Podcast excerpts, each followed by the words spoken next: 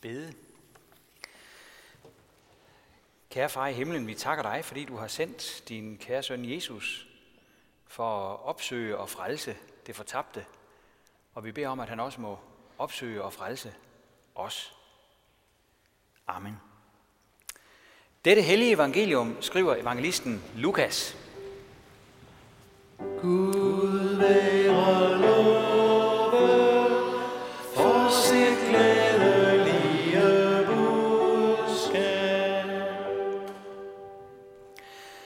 Jesus kom ind i Jericho og gik gennem byen. Der var der en mand, som hed Zacchaeus. Han var overtoller, og han var rig. Han ville gerne se, hvem Jesus var, men kunne ikke for skaren, da han var lille af vækst. Så løb han i forvejen og klatrede op i et morbafintræ for at få ham at se, for han måtte komme den vej forbi. Da Jesus kom til stedet, så han op og sagde, Zacchaeus, skynd dig at komme ned. I dag skal jeg være gæst i dit hus.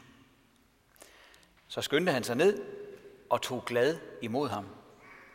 Men alle, som så det, gav ondt af sig og sagde, han er gået ind som gæst hos en syndig mand. Men Zacchaeus stod frem og sagde til Herren, Se herre, halvdelen af, hvad jeg ejer, giver jeg til de fattige. Og hvis jeg har presset penge af nogen, så giver jeg det fire dobbelt tilbage. Da sagde Jesus om ham, i dag er der kommet frelse til dette hus, fordi også han er en Abrahams søn. For menneskesønnen er kommet for at opsøge og frelse det fortabte. Amen.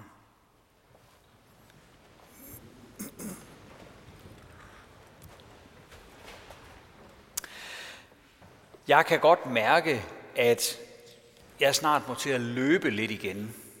Øh, et par år med efteruddannelse plus det løse og almindelig dogenskab har gjort sit ved min dagsform. Det bliver rigtig godt at komme ud og lunde lidt rundt i gaderne igen. Så møder man også tit nogen, som man kender. Det er sådan en hyggelig måde at følge lidt med i sovnets liv på. Det tror jeg mange af jer vil forstå.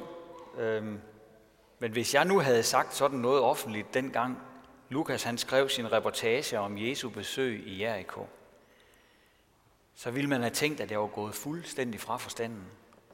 Dengang var der nemlig ikke nogen ordentlige mænd, der løb. I Mellemøsten, der tænker man forresten stadigvæk sådan. En respektabel mand løber ikke. Han skrider roligt og afbalanceret hen ad gaden. Han står stille mange gange. Han stopper op igen og igen. Og på den måde, der viser han, at han selv bestemmer, hvor travlt han har. Sådan bevarer han sin værdighed, og sådan bevarer han sin jordforbindelse. Og derfor er det også højst upassende, når romernes lokale skatteinspektør løber i forvejen og klatrer op i et træ, som vi læste om det for lidt siden. I evangelierne får vi at vide, at tollere og syndere holdt sig nær til Jesus for at høre ham. Og her har vi altså at gøre med et grelt tilfælde, hvor en offentligt ansat smider sin værdighed over bord, begynder at løbe midt i det lokalsamfund, hvor han var kendt. Overtolleren havde på sådan en nærmest barnlig måde udset sig en udkigspost, hvor opløbet måtte komme forbi. Det må altså have kostet på hans selvfølelse. Vi kan overveje, om han simpelthen har lavet sig rive med af stemningen, da den berømte Jesus kom til byen, og alle var højt oppe. Eller om han måske allerede så småt var ved at, at blive lidt ligeglad med al den her udvendige værdighed. Måske var han allerede i gang med at, at slippe sin værdighed. Det gjorde han i hvert fald senere på dagen. Hvis man laver en øh, billedsøgning på nettet øh, på et morbærfinetræ, på engelsk der hedder det sycamore tree, så kommer der en stribe billeder. Og man ser, at i de varme lande, der er morbærfien en øh, slags træ, der har en meget bladrig, tæt krone. Og denne her krone, den begynder allerede en meters penge over jorden. Det kræver ikke nogen videre dagsform eller højde at møve sig op i sådan et træ, og det har jo været en fordel for Zacchaeus, der ikke var nogen høj mand. I tilgift så er der også en chance for at sidde nogenlunde skjult for andre. Det har han måske også ønsket, upopulær som han var, så når at gå lidt i et med omgivelserne. Men der var en, som Zacchaeus ikke kunne skjule sig for. Og det var Jesus. Og på den måde begynder så en af de mest skandaløse omvendelsesberetninger i hele Nytestamentet. En skandale, mine damer og herrer. Byens folk har sikkert godtet sig, øh, da Jesus stansede op under tollerens træ. Nu bliver der nærkontakt mellem dem. Nu vil den her toller få ren besked. Bare sige noget til ham, Jesus. Det fortjener han. Sådan gik det dog ikke. Jesus skældte ham overhovedet ikke ud, selvom der sikkert har været gode grunde til at gøre det. I stedet så inviterede Jesus sig selv hjem til denne her velkendte landsforræder og pengepuger. Alle protesterede imod det, står der. Det med at spise sammen, det var nemlig noget helt særligt dengang. Det var ikke sådan, at Nå, men så spiser vi bare sammen den ene dag, og så spiser vi med nogle andre den næste dag. Og sådan. Det havde, havde en helt særlig kulturel betydning i det samfund. Man spiste kun sammen med folk, som man accepterede og havde fællesskab med. Og tollerne, dem var der ikke rigtig nogen, der accepterede eller havde fællesskab med. De hørte så at sige hjemme i søndernes superliga, kan man sige. Tollerne de lagde lige frem navn til en samlebetegnelse, som man brugte, sådan et fast udtryk, hvor man sagde tollere og søndere. Tollere og søndere, det var sådan, det var udskuddet. Det var samfundets bærme, tollere og søndere. De værste. Så for vores indre blik, der må vi altså ikke forestille os sådan en øh, medarbejder fra skat. Tollerne dengang, de var besættelsesmagtens kyniske håndlangere. På den tid, der var der, var der ikke bare et, øh, et tungt skattetryk, men der var et skattetryk, der simpelthen var livsfarligt. Den romerske stat skulle have sit. Fyrsterne, som staten havde indsat lokalt, skulle have deres. Og tolleren skulle også have sit endda så godt og vel. På den tid var det almindeligt, at folk måtte simpelthen gå fra hus og hjem på grund af skattetrykket. Og tollerne, de var kendt for at være grådige og korrupte. Til med var de jo så også landsforrædere, for de samarbejdede jo med romerne. Så når Jesus han lige præcis valgte at besøge Zacchaeus af alle i denne her by, så var det en stor provokation. Ham var der sikkert ingen andre, der ville spise middag hos. Vi kan sige, at det Jesus gjorde, viser os, hvor skandaløs Guds nåde egentlig er. Måske tænker vi samtidig om Guds nåde, at den er til for de flinke. Hvis du gør det så godt du kan, og har den gode vilje, så vil Gud være dig nådig. Lidt ligesom de der historier, vi fortæller børnene om julemanden, Julemanden giver gaver til de artige børn. At være artig, øh, så er julemanden god imod dig. Og sådan er øh, tingene jo også tit imellem mennesker, sådan noget for noget. Du giver mig noget, og så giver jeg dig noget. Men så er det, at vi må huske på, at Guds nåde netop er nåde. Og nåde er aldrig noget, man fortjener. For så var den jo slet ikke noget. På latin der hedder noget gratia. Det er det samme ord, som vi har i gratis. Altså uden betaling. Nåden er altså for dem, der ikke har noget at betale med. Så er der nogen for, som os. Så er der nogen, der er i minus. Så når Jesus han inviterer sig selv hjem til Zacchaeus middagsbord, øh, for at vise ham accept og have fællesskab med ham, så har der ikke været nogen grund til det. Udover at det havde Jesus bestemt sig for at gøre. For det er på den måde, nåden fungerer. Kan vide, hvad de talte om, mens de spiste hjemme hos Zacchaeus? Det kunne godt nok have været spændende at være fluen på væggen i det hjem. Øhm, vi får ikke indblik i det. Der bliver ikke sagt et ord om det. Øhm, måske er der blevet talt rigtig meget. Måske er der nærmest ikke blevet sagt noget. Måske har de mange ord været overflødige. Det kan de godt have været. Alene fordi Jesu måde at vise noget på, bare var så stærk i sig selv. Men efter at Jesus havde besøgt det afskyede velhaver hjem, øh, så skete der en forvandling med Zacchaeus. Han stod offentligt frem og sagde noget nu, der helt sikkert har fået folk i byen til at tænke, at han var gået fra forstanden. Han lovede de fattige halvdelen af sin ejendom og fire dobbelt kompensation til dem, som han havde afpresset. Folk har, folk har overhovedet ikke kunne kende deres øh, grådige toller igen. Og Jesus han tog også ordet. Han accepterede Zacchaeus i fuld offentlighed som en Abrahams søn og satte ord på sin programerklæring simpelthen.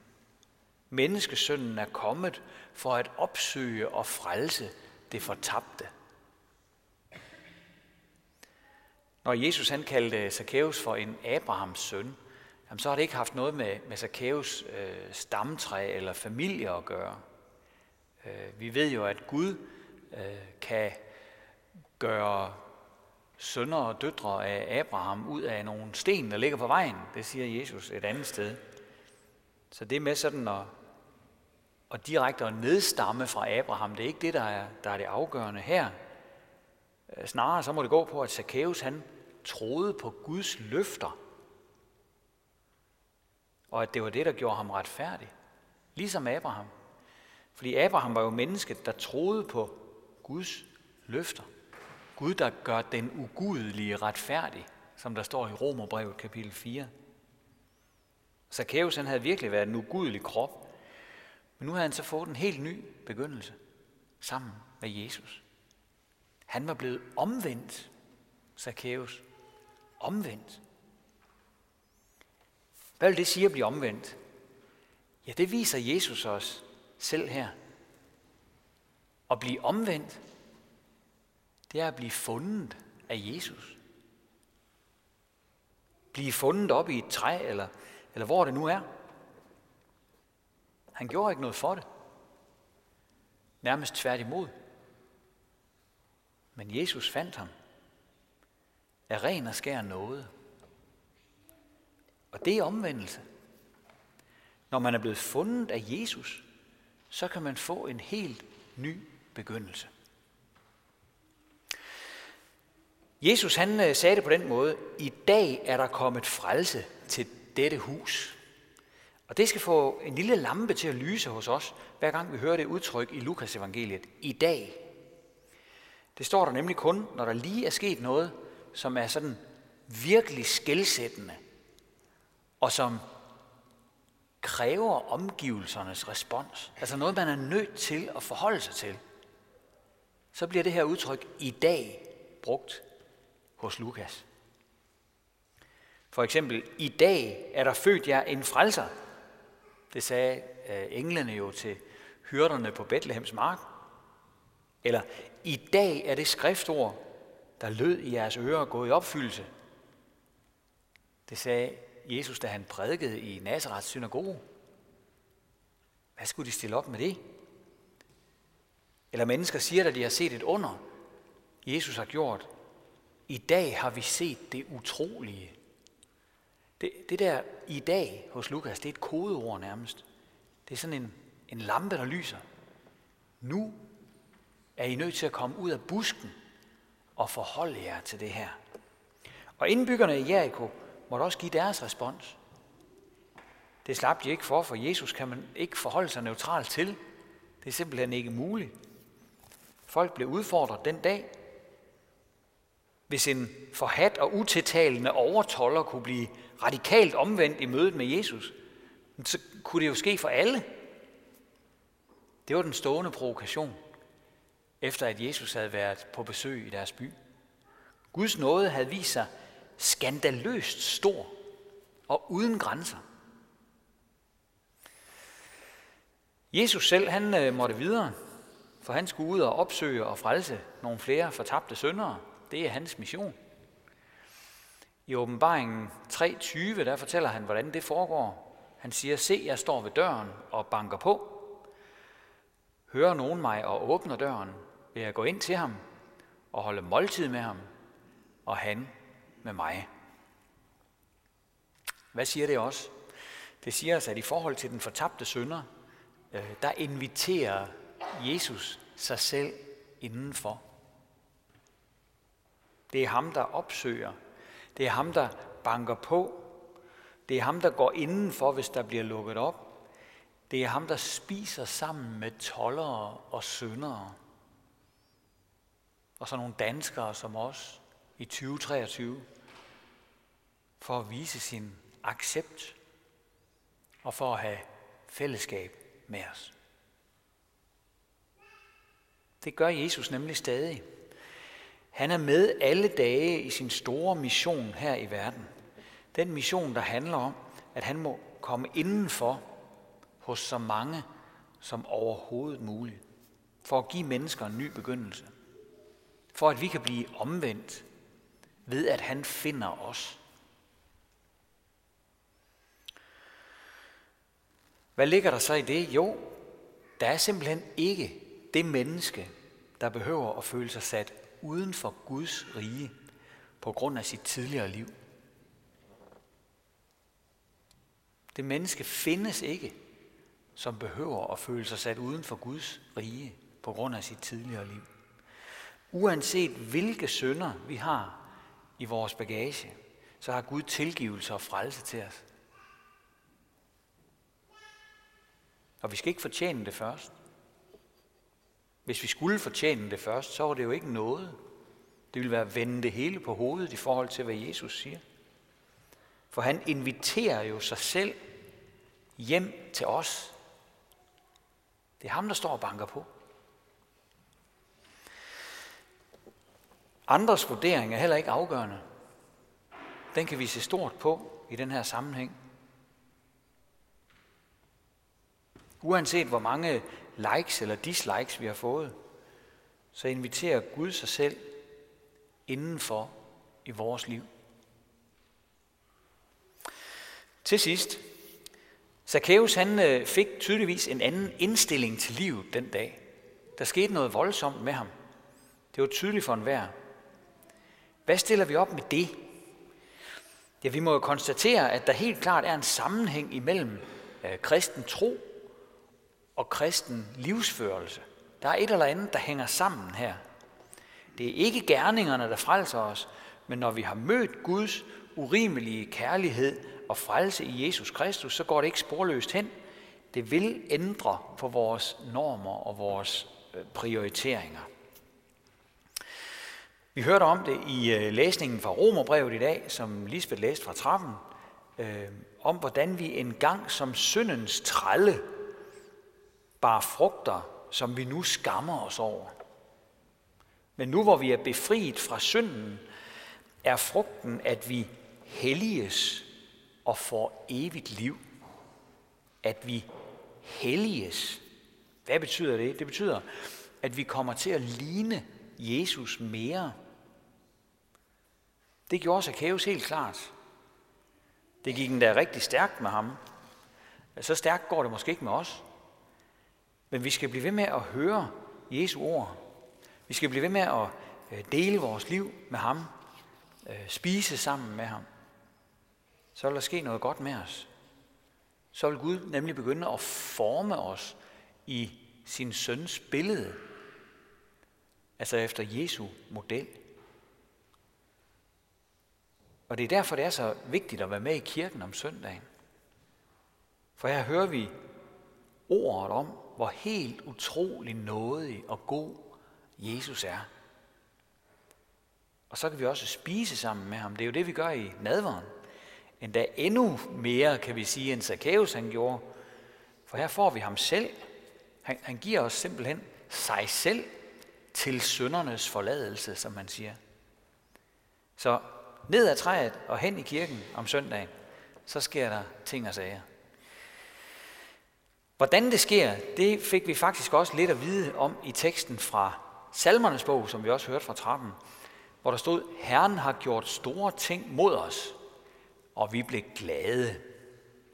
Når Gud han gør os til bedre udgaver af os selv, så gør han det med sin nåde og med sin barmhjertighed.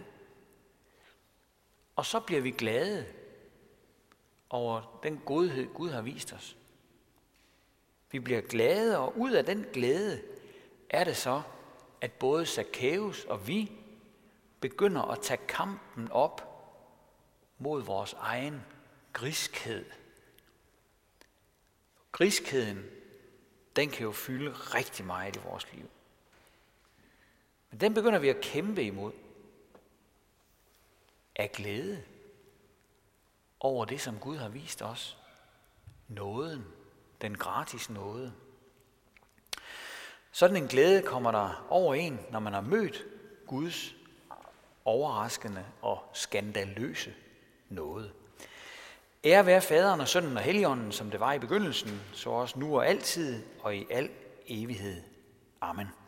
Og lad os rejse os og med apostlen tilønske hinanden, hvor Herres Jesu Kristi nåde, Guds, vor Fars kærlighed og Helligåndens fællesskab være med os alle.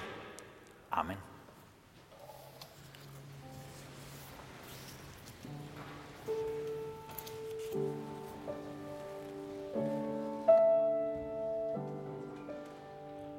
Vi har noget nu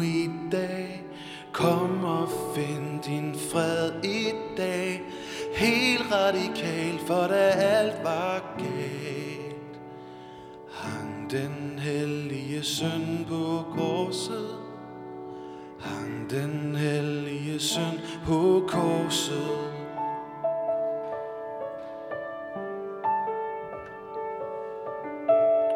Vi har den nu i dag Kom og find radikal, for da alt var galt Hang den hellige søn på korset. Hang den hellige søn på korset. Hang den hellige søn på korset. Hang den hellige søn på korset. Alt hvad der før skilte os fra Gud, døde med ham, så evigt vi nu synger ud. Ære til Guds lam, ære til Guds lam, ære til Guds lam,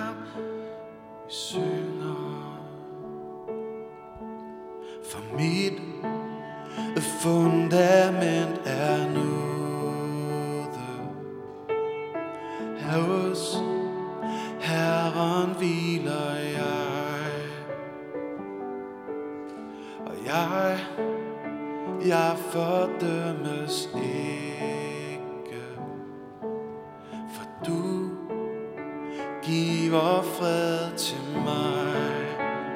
Jeg ved din nåde.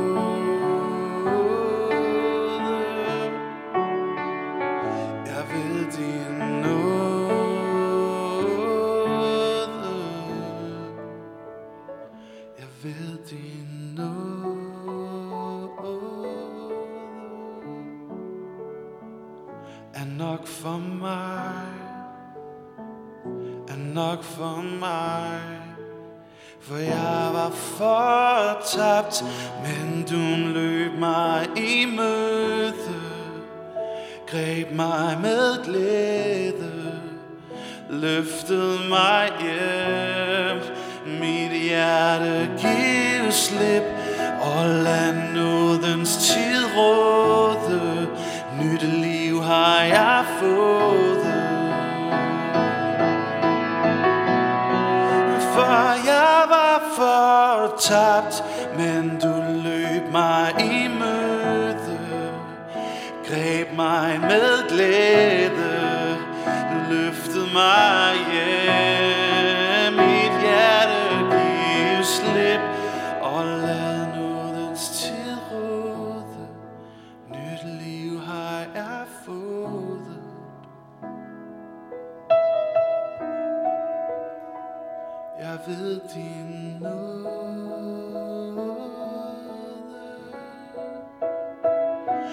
Ved din nåde.